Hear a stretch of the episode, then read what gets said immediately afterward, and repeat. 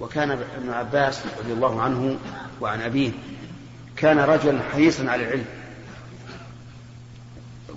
وعقولا للعلم يتتبع النبي صلى الله عليه وسلم ويتتبع الراوين عنه ولهذا كثر الأخذ عن ابن عباس مع صغر سنه.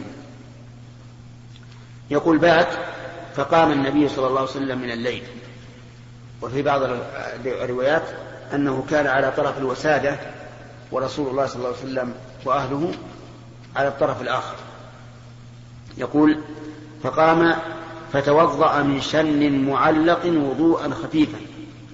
الشن هو الجلد القديم جلد الضأن أو الماس القديم والغالب أنه إذا كان قديما صار باردا. يقول نعم من شن معلق وضوءا خفيفا يخففه عمرو ويقلله. وقام يصلي فتوضأت نحو مما توضأ ثم جئت فقمت عن يساره. توضأ نحو مما توضأ الرسول صلى الله عليه وسلم يعني وضوءا خفيفا. يقول فجاء فقمت عن يساره وربما قال سفيان عن شماله والمعنى واحد. فحولني فجعلني عن يمينه. ثم صلى ما شاء الله. ثم اضطجع وقول ثم صلى ما شاء الله يحتمل أن يكون من, من ابن عباس رضي الله عنهما وأنه أحيانا يجمله وأحيانا يفصل لأنه في صحيح مسلم أنه فصل ذلك. قال صلى ركعتين ثم ركعتين ثم ركعتين وذكر إحدى عشرة ركعة. ثم اضطجع فنام حتى نفخ. وكان النبي صلى الله عليه وسلم إذا نام نفخ. يعني صار له صوت لكنه ليس ذاك الصوت المزعج لكن يتبين أنه نام. ثم أتاه المنادي إلى آخره. ففي هذا الحديث فوائد كثيرة. منها حرص ابن عباس رضي الله عنهما على العلم حيث ترك أهله وبات في في بيت آخر حرصا على العلم. ومنها جواز مبيت الإنسان في حجرة عند الرجل وأهله لكن هذا مشروط بما إذا أذن الزوج والزوجة بذلك وربما نزيد أيضا شرطا آخر وهو أن يكون بين الزوج وبين هذا الإنسان قرابة كما في هذا الحديث لأنه ليس من المستحسن المستساغ أن يأتي رجل أجنبي وينام مع الرجل وأهله في حجرته وليس بينهما قرابة. أما هذا فبينهما قرابة. فإن ميمونة وابن عباس بينهما إيش؟ محرمية. هي خالته ومن فوائد هذا الحديث جواز التصرف بمال الغير إذا علم رضاه بذلك. من أين يؤخذ؟ من وضوء ابن عباس رضي الله عنه. من الشن المعلق قبل أن يستأذن. لكنه يعلم علم اليقين أن رسول الله صلى الله عليه وسلم يأذن بذلك. ومنها جواز الوضوء من الماء المعد للشرب. من أين يؤخذ؟ الشن المعلق للشرب. لكن هذا مشروط بما إذا لم يكن إذا بما إذا لم يكن الماء وقفا. فإن كان وقفا فإنه لا يجوز الوضوء به. يعني لو كان من عادة الناس أن يوقفوا الماء للزجارة تعرفون الزجارة الزير. نعم. فإنه لا يجوز إذا كانوا قد وقفوه للشرب أن تتوضأ به. لأن هذا تصرف في غير ما شرط له. طيب فإن قال قائل هل يجوز الوضوء من البرادات اليوم؟ نقول في هذا تفصيل. إذا كانت البرادات تتغذى بماء محصور فلا يجوز لأن هذا فيه إنفاد للمال في غير ما أريد به. أما إذا كانت تتغذى من المشروع العام فالظاهر أنه لا بأس به ما لم يكن في ذلك تضييق على الشاربين. بحيث يعلم أنه إذا استنفد الماء إذا استنفد الماء البارد صار الباقي حارا على الناس فهذا لا يجوز. ومن فوائد هذا الحديث أن السنة في موقف الواحد مع الإمام أن يكون عن عن يمينه لأن النبي صلى الله عليه وسلم حول ابن عباس إلى يمينه بعد أن وقف عن شماله. ومن فوائد هذا الحديث جواز الحركة لمصلحة الصلاة. وجهه أن الرسول صلى الله عليه وعلى آله وسلم وابن عباس كلاهما تحرك. حركة لكنها لمصلحة الصلاة. واختلف العلماء رحمهم الله في جواز الصلاة عن يسار الإمام مع خلو يمينه. بالسلام فمن العلماء من قال إنه لا بأس به لكن كونه عن اليمين أفضل. وهذا اختيار شيخنا عبد الرحمن بن سعد رحمه الله. ومنهم من قال إنه لا يجوز لا تجوز الصلاة عن يسار الإمام مع خلو اليمين. والدليل هذا الحديث لكل منهما. أما الذين قالوا إنه جائز ولكن السنة أن يكون عن يمينه فقالوا إنه لم يرد ولكن السنة أن يكون عن يمينه. فقالوا إنه, إنه لم يرد من النبي عليه الصلاة والسلام أمر بأن يكون المأموم عن يمين إمامه. وإنما هو مجرد فعل. والفعل المجرد لا يدل على الوجوب. الوجوب لا يثبت إلا بأمر. وأما الذين قالوا بالوجوب فقالوا إن الحركة في الصلاة الأصل فيها المنع. وكونه تحرك ليحوله يدل على أنه موقف لا يمكن إقراره ولا السكوت عليه. لكن القول الأول أظهر أنه ليس بواجب ولكنه أفضل. وأما الحركة فيجاب عنها أن الإنسان يتحرك في الصلاة لما هو من مكملاتها ولو لم يكن من من واجباتها. ومن فوائد هذا الحديث جواز الجماعة في النافلة. لأن النبي صلى الله عليه وسلم أقر ابن عباس على صلاته معه جماعة.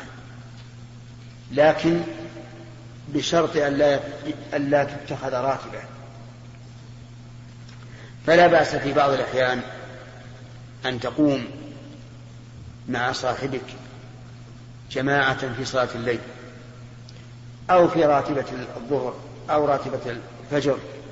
المهم أن يكون ذلك أحيانا. وهل نقول إن هذا من باب الجائز أو من باب السنة؟ الظاهر أنه من باب الجائز. وقد ذكرنا مرارا وتكرارا أن هناك فرقا بين الشيء المطلوب المشروع وبين الشيء المسكوت عنه ولكنه ليس بمطلوب من كل أحد. وذكرنا لذلك أمثلة. منها إقرار النبي صلى الله عليه وسلم الرجل الذي كان يقرأ لأصحابه فيختم بقول هو الله أحد فأقره الرسول صلى الله عليه وسلم على ذلك ولكنه لم لم يشرعه للأمة لا بقوله ولا بفعله. ومنها إقراره الصدقة عن الميت ولكنه لم يشرعه للأمة لا بقوله ولا بفعله. فهو جائز لا ينكر على الإنسان ولكنه لا يطلب منه. ومن فوائد هذا الحديث أن النوم لا ينقض الوضوء. أن النوم لا ينقض الوضوء. لأن النبي صلى الله عليه وسلم نام اضطجع حتى نفخ وهذا نوم عميق من مضطجع. فلو كان ناقضا للوضوء لتوضأ النبي صلى الله عليه وعلى آله وسلم. ولكن الاستدلال بهذا الحديث فيه نظر لأن النبي صلى الله عليه وسلم من خصائصه أنه تنام عيناه ولا ينام قلبه. فلو حدث منه حدث لأحس به. لكن فيه دليل على القول الراجح وهو أن النوم ليس ناقضا للوضوء بذاته ولكن لأنه مظنة الحدث فإذا علم الإنسان من نفسه أنه لو أحدث لت... لعلم فحينئذ لا ينتقض وضوءه.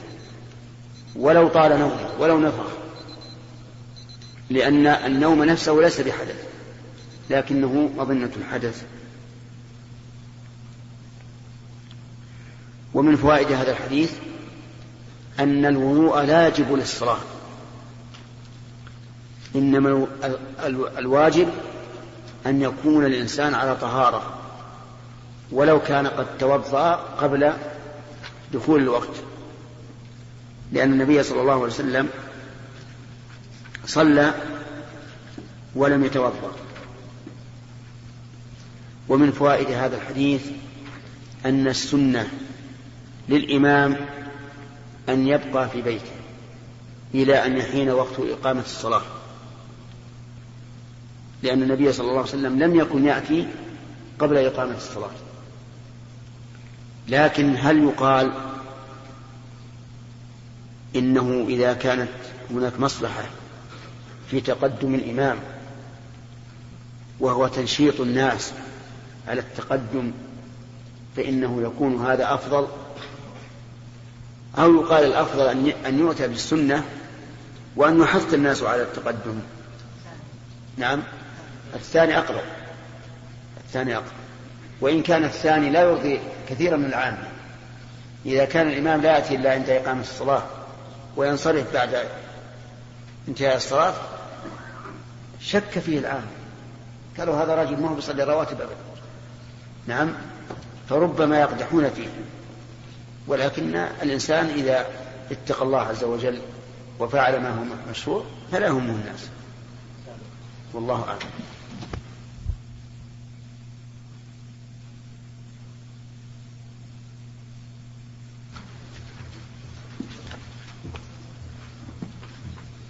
نعم. بسم الله الرحمن الرحيم. الحمد لله رب العالمين. وصلى الله وسلم على نبينا محمد وعلى آله وأصحابه أجمعين. قال البخاري رحمه الله تعالى كتاب الوضوء باب إسباغ الوضوء. وقال ابن عمر إسباغ الوضوء الإنقاء. حدثنا عبد الله بن مسلمة عن مالك عن موسى بن عقبة عن كريب مولى بن عباس عن أسامة بن زيد أنه سمعه يقول دفع رسول الله صلى الله عليه وسلم من عرفة حتى إذا كان بالشعب نزل, نزل حتى إذا كان بالشعب نزل فبال ثم توضأ ولم يسبغ الوضوء. فقلت الصلاة يا رسول الله. فقال الصلاة أمامك.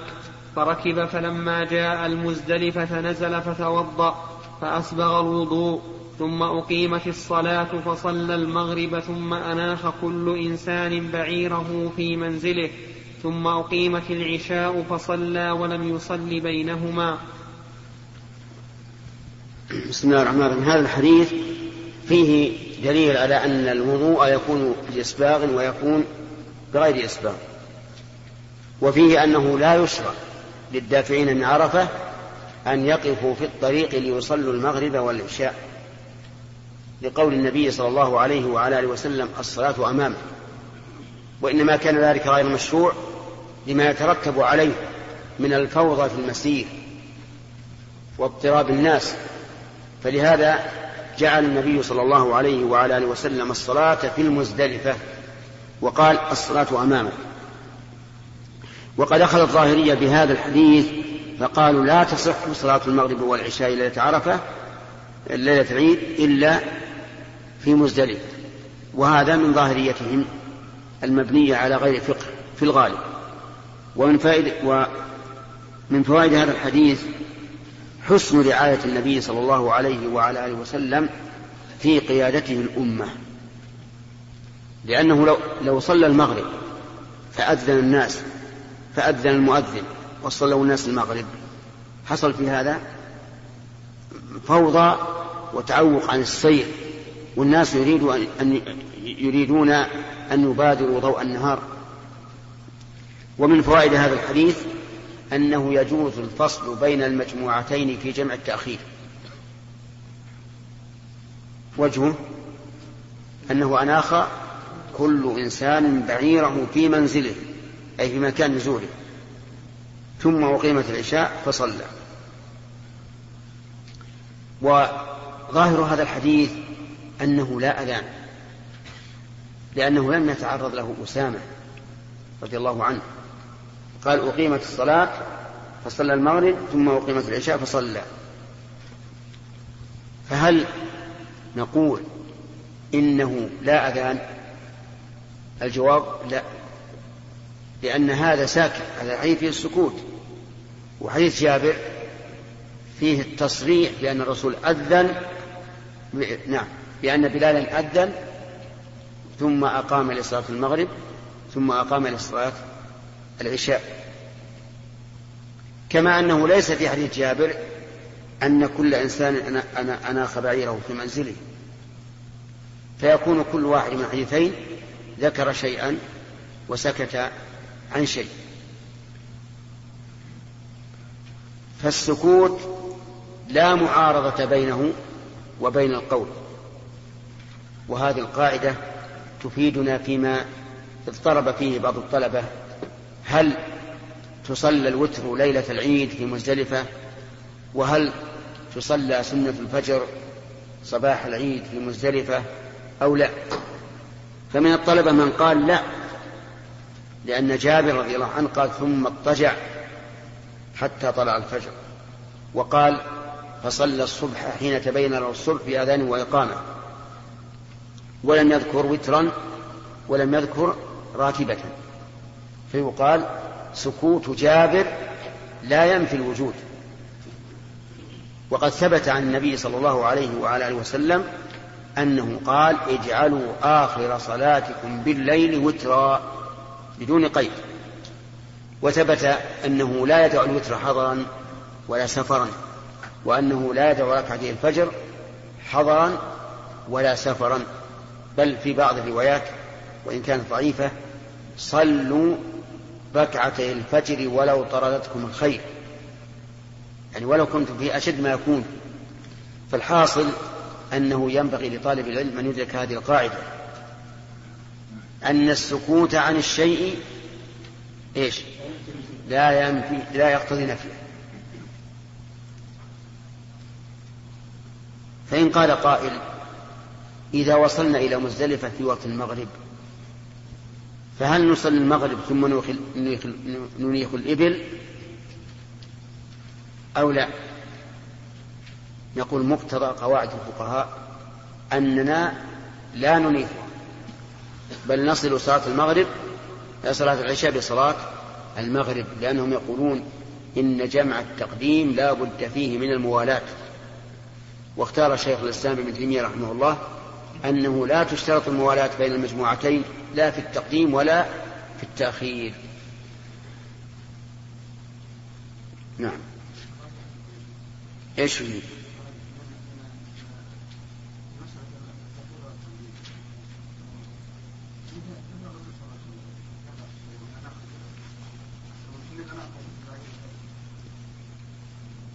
جمع التأخير ما في إشكال لا, لا يشتغل فيه الموالاة. جمع التأخير نعم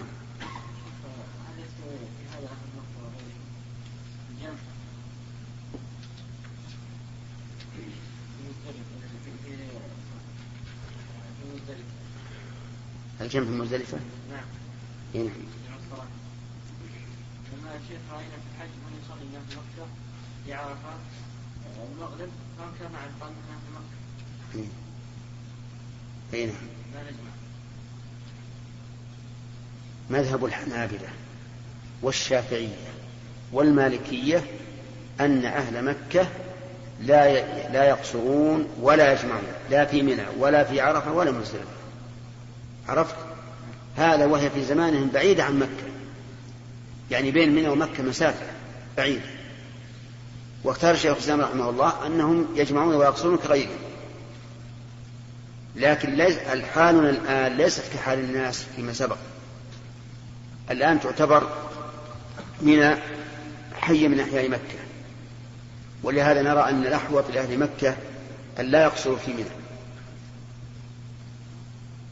بل يتمون. أما الجمع فلا جمع في منى كما هو ظاهر. منى ليس فيها جمع حتى بعد الرسول عليه الصلاة والسلام ما جمع. لا قبل عرفة ولا بعد عرفة. نعم.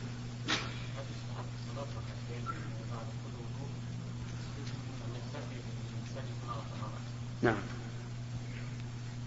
يسن الصلاة عند كل وضوء باب غسل الوجه باليدين من غرفة واحدة. حدثنا محمد بن عبد الرحيم. قال أخبرنا أبو سلمة الخزاعي منصور بن سلمة. قال أخبرنا ابن بلال يعني سليمان عن زيد بن أسلم عن عطاء بن يسار عن ابن عباس أنه توضأ فغسل وجهه ثم أخذ غرفة من ماء فمضمض بها واستنشق ثم أخذ غرفة من ماء فجعل بها هكذا أضافها إلى يده الأخرى فغسل, فغسل بهما وجهه ثم أخذ غرفة من ماء فغسل بها يده اليمنى ثم أخذ غرفة من ماء فغسل بها يده اليسرى ثم مسح برأسه ثم أخذ غرفة من ماء فرش على رجله اليمنى حتى غسلها ثم أخذ غرفة أخرى فغسل بها رجله الي... فغسل بها رجله يعني اليسرى ثم قال هكذا رأيت رسول الله صلى الله عليه وسلم يتوضأ. باب غسل الوجه باليدين من غرفة واحدة. يعني معناه أنه يجزي أن يغسل أن يغسل الوجه مرة واحدة لأن الثلاث سنة. ثم ذكر حديث عبد الله بن عباس رضي الله عنهما وكان رضي الله عنه يعني ابن عباس كان يخفف الوضوء حتى إنه ينصرف من مكانه ولا يكون فيه إلا رشاش من الماء. بخلاف عامة الناس اليوم إذا انصرف من مكانه وإذا هو كالنهر يمشي. نعم إلا ما شاء الله. على كل حال الاقتصاد حتى في الماء لا شك أنه أمر مشروع ومحبوب. يقول غسل وجهه أخذ غرفة من ماء فتمضمض بها واستنشق. ولم يذكر مرة ولا مرتين ولا واحدة. وإذا لم تقيد فهي واحدة. ثم أخذ غرفة من ماء فجعل بها هكذا أضافها إلى يد الأخرى. أخذ غرفة من الإناء هكذا ثم أضاف إلى اليد الأخرى ثم غسل بها وجهه. فغسل به ماء وجهه ثم أخذ غرفة من ماء فغسل بها يده اليمنى. ثم أخذ غرفة من ماء فغسل بها يده اليسرى. ثم مسح برأسه ثم أخذ غرفة من ماء فرش على رجله اليمنى حتى غسلها يعني جعل يقول هكذا هكذا بيده حتى غسله. ولم يقتصر على الرش فقط بل غسل. والفرق بين الغسل والمسح أن الغسل يجري الماء على العضو والمسح لا يجري. ثم أخذ غرفة أخرى فغسل بها رجله يعني اليسرى ثم قال هكذا رأيت رسول الله صلى الله عليه وعلى آله وسلم يتوضأ. نعم. يلا كيف؟ يجري. إذا إذا إذا وضعته هنا ومقيت كذا؟ جرى. ها؟ يجري على كل عضو. جرب تجد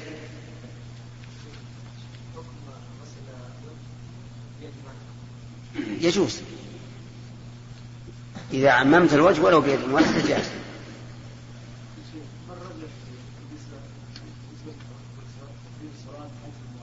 إيش؟ ثم الراجح الجمع جمع التقديم من حيث المولاة وما هو الأولى؟ الأولى لا شك الموالاة في جمع التقديم وفي النفس شيء من من التفريق إذا كان الجمع جمع تقديم أما وجه اختيار شيخ الإسلام فيقول لأنه إذا أبيح الجمع صار الوقتين وقتا واحدا. صار الوقتان وقتا واحدا. نعم. باب التسمية على كل حال وعند الوقاع.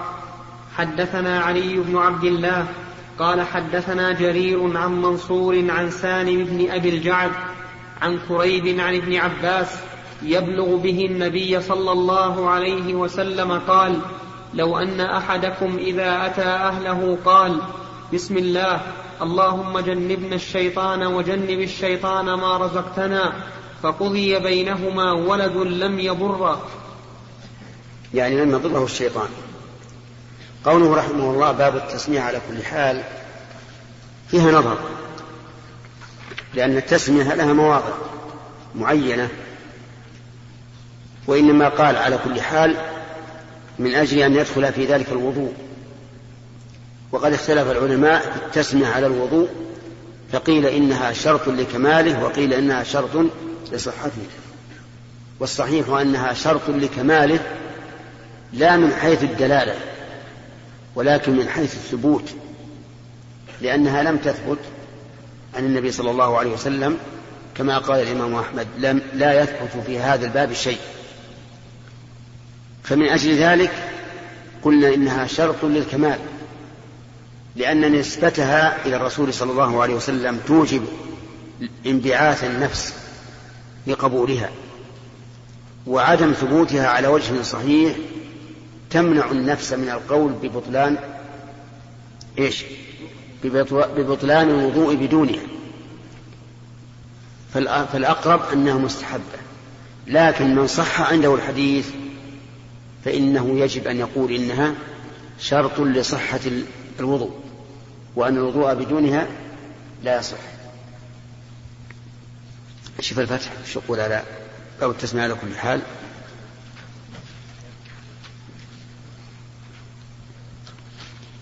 قال ابن حجر رحمه الله تعالى قوله باب التسمية على كل حال وعند الوقاع أي الجماع. وعطفه عليه من عطف الخاص على العام للاهتمام به وليس العموم ظاهرا من الحديث الذي أورده لكن يستفاد من باب الأولى لأنه إذا شرع في حالة الجماع وهي مما أمر فيه بالصمت فغيره أولى وفيه إشارة إلى تضعيف ما ورد من كراهة ذكر الله في حالين الخلاء والوقاع لكن على تقدير صحته لا ينافي حديث الباب. لأنه يحمل على حال إرادة الجماع كما سيأتي في الطريق الأخرى ويقيد ما أطلقه المصنف ويقيد ما أطلقه المصنف ما رواه ابن أبي شيبة من طريق علقمة عن ابن مسعود وكان إذا غشى أهله فأنزل قال اللهم لا تجعل للشيطان فيما رزقتني نصيبا. قوله جرير هو ابن عبد الحليم على كل حال أنا كنت أظن أن البخاري رحمه الله يشير إلى حديث أبي هريرة في في التسمية وأنه لا وضوء لمن لم يذكر اسم الله عليه. وإلا إذا لم يكن يشير إلى ذلك فلا شك أن الترجمة خطأ. لماذا؟ لأنه لا يجوز أن نستدل بالخاص على العام والعكس صحيح. يعني لنا أن نستدل بالعام على الخاص لأن العام يشمل جميع أفراده. لكن أن يأتي الدليل خاصا ثم نقول هو عام هذا لا يستقيم. على كل حال التسمية على كل حال فيها نظر على إطلاقها. لأن من الأشياء ما, ما, لا, ما, ما لا تشرع فيه التسمية.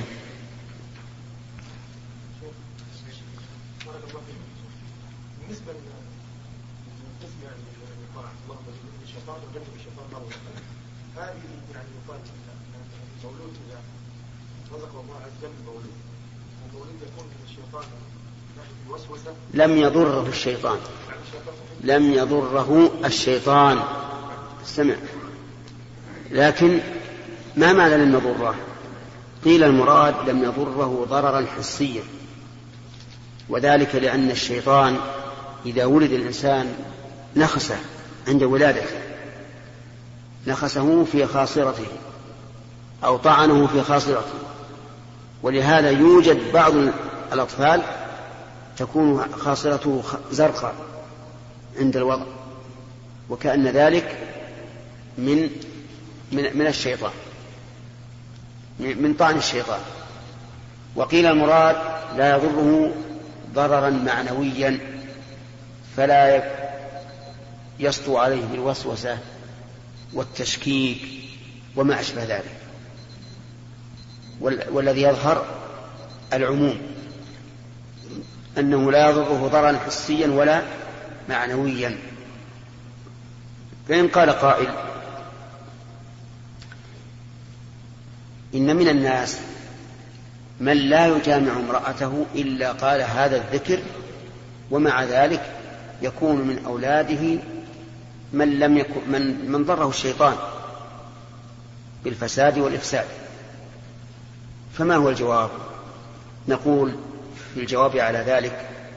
أولا اعلم أن كلام الله ورسوله ولا سيما ما وقع خبرا لا يدخل فيه النسخ ولا يمكن أن يتغير لأنه كلام صادر عن علم وصدق. فإذا كان الرسول عليه الصلاة والسلام يقول لن يضره الشيطان فإنه لا يمكن أن تأتي صورة يكون فيها ضرر الشيطان مع وجود التسمية وهذا الدعاء. لماذا؟ لأنه خبر والخبر لا يكذب. فيقال في الجواب عن تخلف ذلك في رجل لا يجامع امرأته إلا سمى ودعا بهذا الدعاء يقال إنه إما لقصور في السبب أو لوجود مانع. إما لقصور في السبب أو لوجود مانع. كيف قصور في السبب؟ بمعنى أن الإنسان يقول هذا ويكون في قلبه شيء من الشك. هل يثبت هذا الأمر أو لا يثبت؟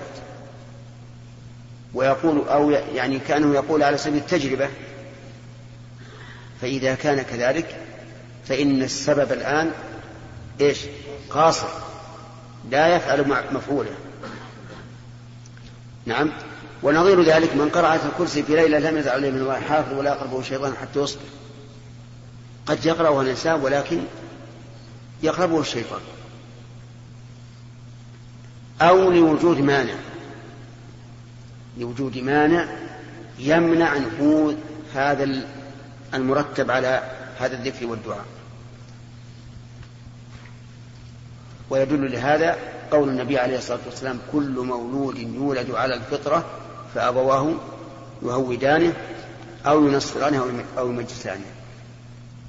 فهذه البيئة منعت نفوذ الفطرة أو منعت الفطرة عن مقتضاها وهو الدين الخالص. هذا أيضا ربما يوجد مانع يكون هذا الولد الذي نشأ من هذا الجماع لا لا يضره الشيطان لكن يوجد موانع تمنع انتفاء الضرر مثل أن يصطحب أناسا ليس بهم خير أو ما أشبه ذلك.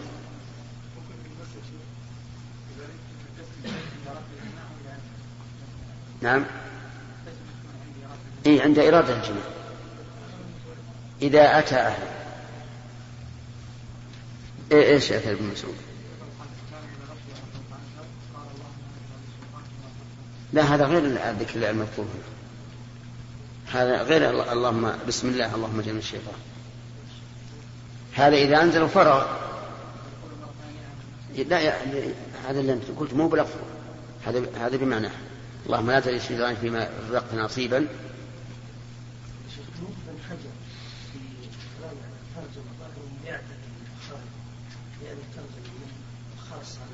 نعم.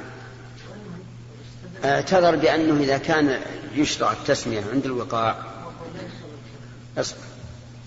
فغيره من باب أولى هذا فيه نظر. هذا قياس هذا قياس مع الفارق. أقول هذا قياس مع الفارق. ليش؟ لأن غير الجماع موجود في عهد الرسول عليه الصلاة والسلام ولم يسمي عليه. ما كان يسمي إذا أراد أن يصلي. ما كان يسمي إذا أراد أن يبيع. ما كان يسمي إذا أراد أن, أن يستأجر. نعم. فما دام فما دام الشيء موجودا في عهد الرسول وموجودا سببه لا يمكن أن يقاس. ولهذا قلنا إن قياس بعض الفقهاء دخول المسجد في استحباب التسوك عند دخوله على التسوك عند دخول البيت قياس غير صحيح. لأن الرسول كان يدخل المسجد ولا نقل أنه إذا دخل المسجد تسوك فهذه مثلها فهو أراد رحمه الله أن يعتذر عن البخاري لكن اعتذر بما لا يكون اعتذارا. ولا يمكن أن أن يقاس. شرف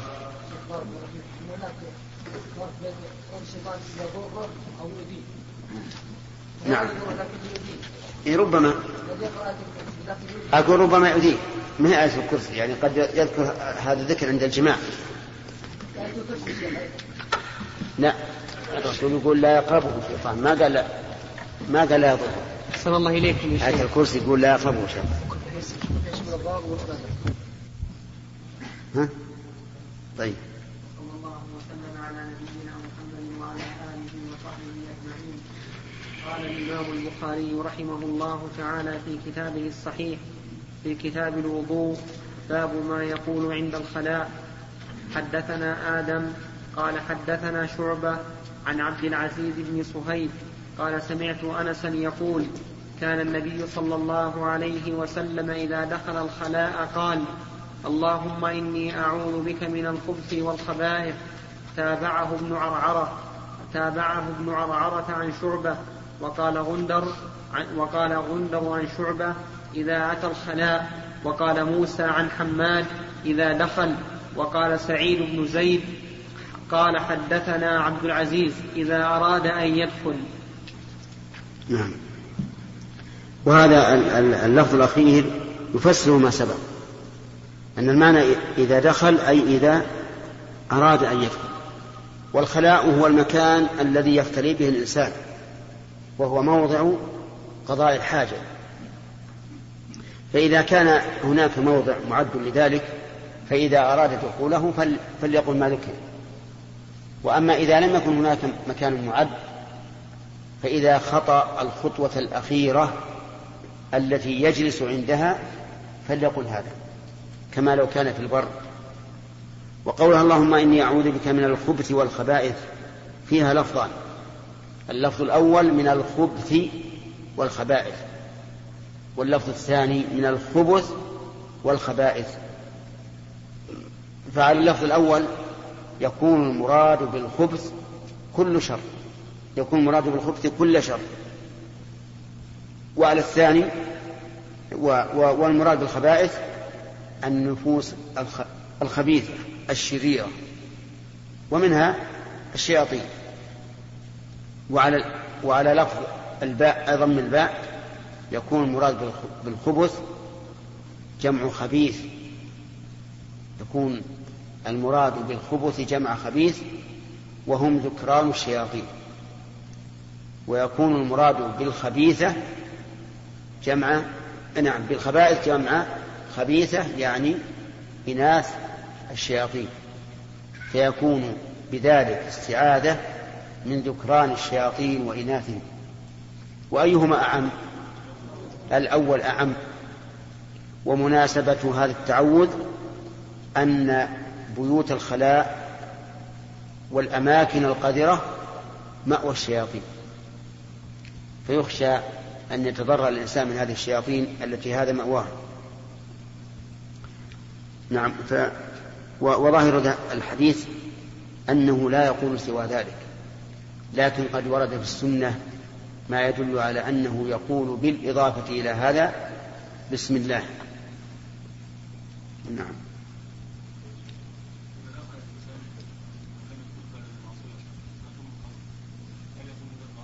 لا. لا. يقتصر فيه على الأوارق يعني ليس كل مكان يكون فيه الخبائث يذكر في هذا الشيء. لأن هذا سوف يجلس ويكشف العورة وربما يعتدى عليه من الشياطين. نعم.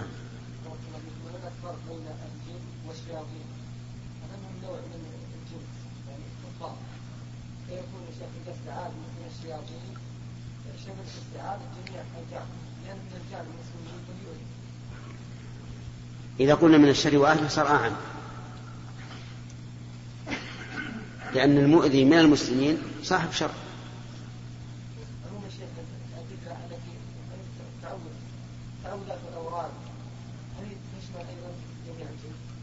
تشمل كل ذي شر. من شر ما خلق شامل لكل ذي شر. نعم.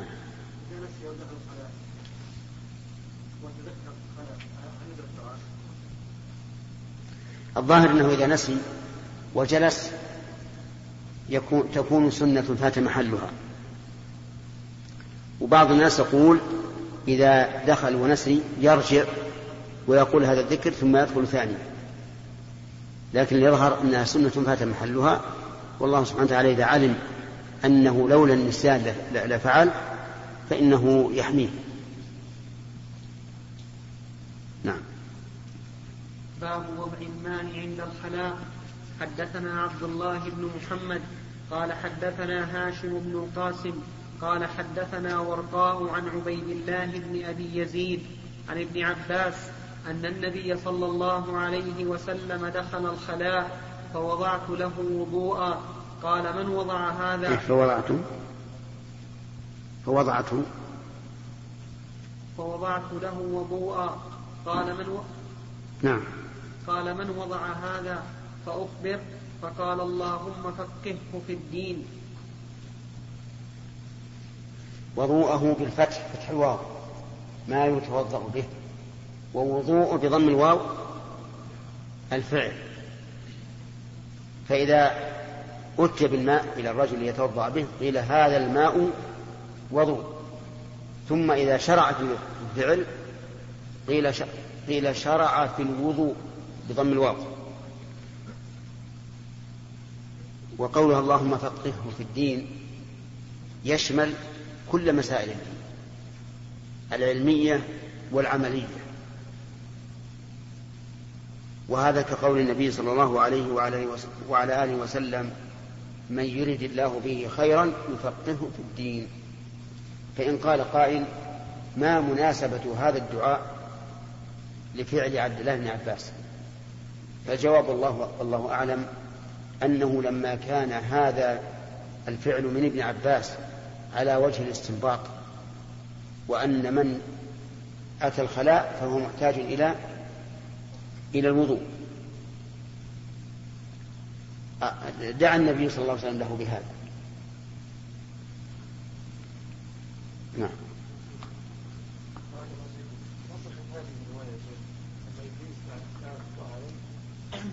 لا لا لا تقول لعنة الله. عليه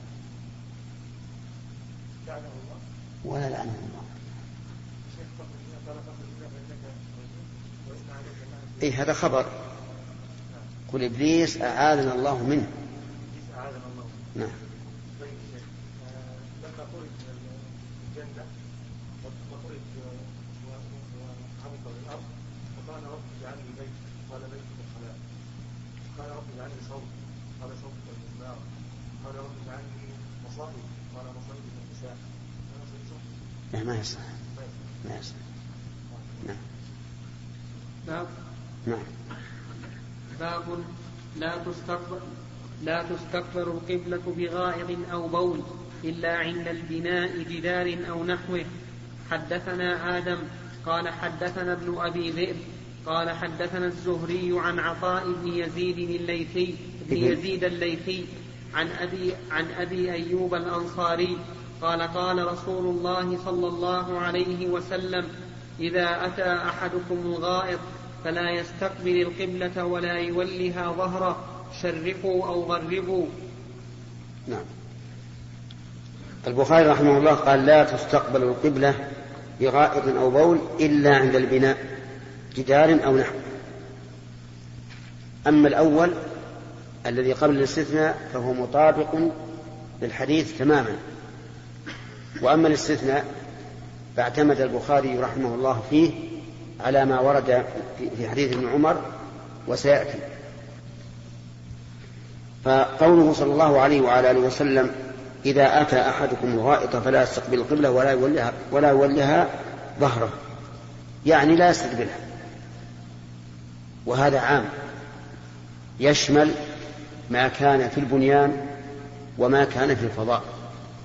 ولهذا قال أبو أيوب رضي الله عنه فقدمنا الشام فوجدنا مراحيض قد بنيت نحو الكعبة فننحرف عنها ونستغفر الله.